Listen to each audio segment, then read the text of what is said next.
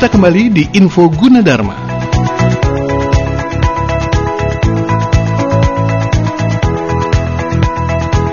Ya pemirsa dan juga pendengar semuanya, kita masih bersama di Info Gunadarma dan masih ada rekan Alvin yang akan bersama Anda. Masih ada waktu untuk kita bersama di uh, edisi kali ini.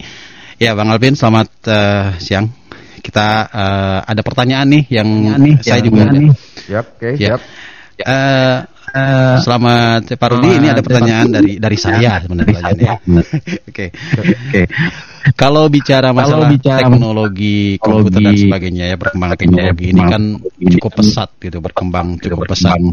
Nah, saya lebih ke dunia pendidikannya. Nah, bagaimana nih Yuji ini uh, menyelaraskan antara perkembangan teknologi yang begitu cepat dengan kurikulum yang tentunya disusun oleh tim uh, Gunadarma sehingga apa yang dipelajari ini lebih up to date dengan perkembangan teknologi yang terjadi saat ini. Itu aja sih, Pak. Ya, Pak. Oke, siap, siap. Ini dari pertanyaan pribadi atau dari WA? Jadi pertanyaan pribadi dari Pak mewakili oh, mewakili orang tua yang akan memasukkan iya, kayaknya punya anak mau dikuliahin iya. ya. ya. Oke, baik Yuda. Ya. Yuda Winata, pertanyaannya Pak Rudi. Ya tentang perkembangan teknologi informasi atau perkembangan teknologi yang lain di Gunada di selama ini dan hubungannya dengan kurikulum yang ada di Universitas Gunadarma. Ya. Bagaimana Pak? Ya, uh, jadi uh, seperti yang kita ketahui ya tadi mm-hmm. Gunadarma punya superkomputer itu kan ya. salah satu upaya Gunadarma untuk keep up ya dengan mm-hmm. teknologi dan tentunya kurikulumnya pun menyesuaikan dengan dengan itu ya. Nah kita tahu bahwa kurikulum ini e, kalau zaman dulu mungkin kan nggak terlalu dinamis ya. Mhm. Oh, Tapi iya, sekarang ini ini udah udah dinamis artinya setiap saat ya. Mm-hmm. Yang paling kecil aja setiap semester itu kan selalu di refresh ya, selalu di review dan disesuaikan dengan perkembangan teknologi. Jadi e, tentunya di Gunadarma kita juga tidak menginginkan ya mahasiswa Gunadarma ini ketinggalan kata gitu ya uh terhadap teknologi. Tapi ya kita lihat dengan apa namanya dengan adanya superkomputer saja otomatis semuanya juga sudah langsung menyesuaikan sehingga hmm. Eh, apa yang menjadi tools ya untuk mereka bisa terjun ke dunia kerja dunia industri itu hmm. tentunya sudah pasti langsung disesuaikan ya. hmm. dan kita juga melihat mahasiswa-mahasiswa itu sekarang sudah praktikum menggunakan mesin superkomputer Super tadi ya jadi tidak hanya uh, peneliti atau dosen yang memanfaatkan, tapi juga mahasiswa. Dan ini sebuah privilege. Saya kira nggak semua orang bisa mencoba ya mm-hmm. Menggunakan mesin tersebut. Ya, saya kira ini menjadi salah satu apa ya upaya dan e, contoh langsung gitu ya bagaimana Dharma selalu mengikuti e, tren teknologi. Jadi kalau boleh, khawatir. boleh tahu itu sompur komputer itu seberapa? Kalau besar? ukurannya itu kayak server pernah lihat server nggak pak? Oh. Server komputer gitu ya, hmm. yang ya kalau nggak salah 4 U ya. Jadi hmm. sekitar ya sebesar inilah. Oh. Dan itu konsumsi listriknya saya kalau nggak salah itu uh, ribu atau sembilan ribu. Enam ribu sama sembilan ribu. Watt. Watt, ya satu mesin. Jadi kalau di, dihidupin di rumah mati itu rumah. Oh, wow, saking ininya ya. Iya betul. Oke, okay. Uh, berbicara tentang kurikulum dan juga perkembangan teknologi, Pak. Di Universitas Gunadarma ini selalu menjargonkan atau motonya boleh dibilang bahwa kelebihannya juga kampus yang berbasis IT. Nah, sekarang kan di Gunadarma itu tidak hanya IT, tidak hanya komputer, ya. tapi masih ada uh, jurusan atau Betul. program studi yang lain. Nah, hubungannya seperti apa ini, Pak? Ya, tadi ya. Jadi kalau di bagi yang pernah kuliah di Gunadarma pasti merasakan hmm. semua program studi ya salah satu keunggulan apalagi di era-era saat ini ya komputer boleh dikatakan wajib kali ya wajib betul hmm. dan di era saat ini ya sekarang udah nggak ada lagi program studi yang nggak ada komputernya kan? Pasti pengolahan datanya ya. Apa eh, penelitiannya pasti semua melibatkan komputer.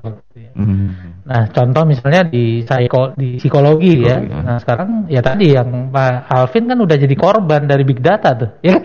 Oh. Ya kan? Korban dari big data artinya ya dan teman-teman di psikologi itu banyak me, me, meneliti itu ya perilaku oh. user, bagaimana sih perilaku orang-orang ini dan bagaimana mereka melihat profilnya gitu ya. Ah.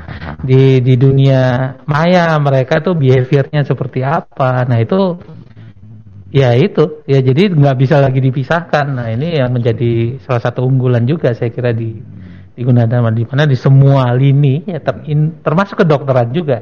Hmm. Itu jadi satu keunggulannya di informatika kedokteran. Jadi apa namanya lulusan-lulusan dokter Gunadarma ini bukan hanya terampil sebagai dokter tapi dia juga punya wawasan atau visi, punya knowledge tentang bagaimana informasi teknologi itu bisa diterapkan di Seberapa dalam Pak mereka yang non non IT dan sistem informasi itu Pak? Saya kira untuk level sampai mereka bisa menggunakan itu sudah lebih dari cukup ya mm-hmm. kemampuannya. Nah khusus di kedokteran ya kebetulan uh, saya juga ikut uh, mengajar ya tentang TIK di kedokteran yaitu oh. mereka uh, punya kemampuan untuk bisa sampai merancang sistem gitu ya, mm-hmm. merancang sistem yang bisa membantu mereka dalam melaksanakan tugas mereka sebagai sebagai dokter. Nah, Jadi TIK yang Pak Rudi ajarkan di kedokteran itu belajar yang berhubungan dengan kedokteran atau umum? Iya, tentunya yang implementasinya berhubungan dengan kedokteran. Oh. Ya, tentunya kalau misalnya uh, koki itu ngajar masak, ya mereka kan harus diajarin cara megang pisaunya kan gimana gitu ya. Hmm Nah, mereka mereka juga dapat tapi nggak nggak kayak anak TI yang harus ngoding oh, okay. berat gitu. Tapi mereka dikenalkan ini coding kayak gini loh. Dan mereka nyoba gitu ya. Hmm. Coding-codingnya simple gitu ya. Hmm. Sampai tadi merancang sistem itu gimana sih caranya, tahapannya seperti apa sehingga mereka punya gambaran dan bisa. Hmm. Bisa nanti mengimplementasikan itu selain mereka harus terampil sebagai sebagai dokter. Nah, kemudian hubungannya dengan dengan dengan dengan luar ya, Pak ya uh, pihak luar, contohnya mungkin dikti atau mungkin uh, kerjasama kerjasama yang lain sudah dilakukan, mereka mengakui nggak bahwasannya universitas ini memang benar-benar kampus yang berbasis IT dan punya lembaga sertifikasi betul, betul. dan sebagainya dan sebagainya. Ya, saya kira dengan apa ya e, terserapnya alumni kita dengan cepat itu kan menjadi salah satu bukti ya bahwa e, industri dunia kerja itu mengakui Gunadarma hmm. kompetensi daripada lulusannya itu nggak cuma di core di core apa nih di core program studinya tapi juga punya tambahan ya tambahan bisa uh, punya skill di teknologi informasi. Hmm. ya saya kira banyak bukti lah. Ya saya beberapa lihat juga ya mahasiswa-mahasiswa kita saya pernah ke satu BUMN itu saya lihat bagian IT-nya lulusan Gunadarma semua. Oh,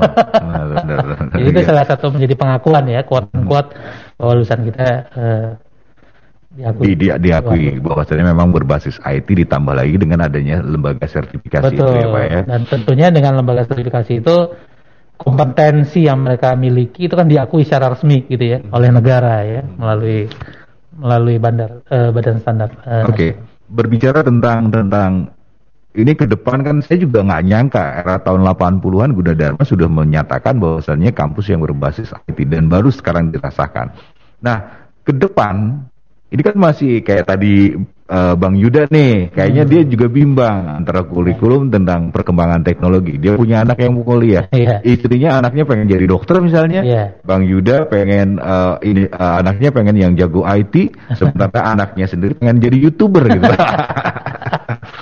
Ada saran nggak untuk untuk mereka yang lagi bimbang? Lagi untuk, bimbang, uh, ya saya kira langsung buka saja situs pendaftaran Gunadarma. Iya. Kita ada beberapa fakultas ya. Jadi yang pengen jadi dokter kita punya fakultas kedokteran uh -huh. bisa daftar di situ. Hmm. Dan itu juga ada apa namanya uh, eh, IT-nya juga ya hmm. sebagai satu keunggulan. Kemudian tentunya jurusan uh, yang terkait dengan komputer ya ada teknologi ada informatika ada hmm. sistem informasi. Hmm. jadi kalau uh, informatika itu yang pengen jadi engineer ya. Engineer itu yang yang itu yang codingnya dan sebagainya itu masuk informatika. Dunia komputer tapi dia uh, bicara tentang sistemnya gitu ya. Secara umumnya secara rancangannya itu bisa di sistem informasi gitu ya. Kemudian kalau yang ingin lebih ke sedikit ke hardware-nya itu bisa ke sistem komputer. Kemudian ada juga tentunya manajemen, akuntansi. Kalau mau jadi youtuber ada komunikasi juga, ya kan? Kayak Pak Alvin nih yang ah, subscribernya udah banyak ya kan. itu juga ada uh, fakultas komunikasi ya. Hmm. Farmasi juga ada yang pengen hmm. senangnya ngeramu-ramu obat oh, misalnya iya, ya.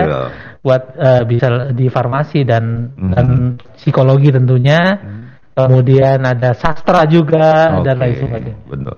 Nah, bagaimana dengan akreditasi dari dari uh, program studi yang tadi Pak Rudi jelaskan? Hampir semua itu akreditasinya A atau unggul. Nah, jadi unggul, itu ya? strata yang tertinggi ya di akreditasi dan bisa disamakan dengan perguruan tinggi perguruan tinggi termasuk akreditasi dari perguruan tingginya sendiri. Jadi kan hmm. kalau akreditasi itu ada dua. Oh. Ada yang akreditasi lembaganya, perguruan tingginya, ada akreditasi program studinya. Oh. Dan untuk lembaganya kita juga udah unggul gitu ya. Hmm. Ya setara lah dengan perguruan tinggi perguruan tinggi negeri gitu ya yang ada di Indonesia. Nah, Oke. Okay. sebagian besar di uh, program studi juga udah unggul atau A. Oke. Okay. Yang terakhir nih, Pak. Kenapa kita harus memilih Universitas Gunadarma? Nih yang tadi lagi bimbang ya, ada pengen anaknya jadi youtuber, ada gamer dan lain sebagainya. Ya seperti yang sudah kita diskusikan ya dalam satu jam ini bahwa ah. Teknologi informasi itu sudah nggak bisa lepas lagi dari uh, kehidupan kita. Betul. Ya, semua lini, semua disiplin itu pasti membutuhkan itu. Hmm. Nah, Gunadarma itu memang dari awal, dari Mas Alvin bilang dari didirikan itu visinya udah ke situ. Jadi ya udah paling pas ya hmm. untuk uh, sekolah di Gunadarma hmm. ya karena semua program studinya hmm. itu sudah istilahnya IT base gitu ya base. sehingga ya istilahnya nggak ketinggalan lah hmm. dengan tren yang yang ke depan ini ya sehingga lulusan-lulusan Gunadarma nanti bisa langsung terjun gitu ya hmm. atau mengikuti tren teknologi dan ya terserap langsung di dunia kerja saya kira hmm. itu Pak. Oke. Okay. Baik, Pak Rudi, terima kasih Pak Rudi. Uh, obrolan kita di kesempatan hari ini sampai merinding saya dengerin bahwasannya komputer ini ngikutin saya itu. jadi udah jadi korban. Jadi ya, korban ya. Aduh, pantesan ribut terus sama istri nih gara-gara komputer. Oke, Pak Rudi terima kasih ya. Dan kita kembali uh, Yuda.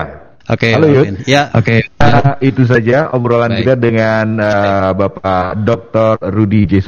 Eskom, MSc MIKOM dan beliau ini adalah Kepala Computing Center Bapsi Universitas Gunadarma Yud. Ya. Ya. Oke. Okay. Baik, terima kasih Yud. Sama-sama. Ya, baik. Sama ya.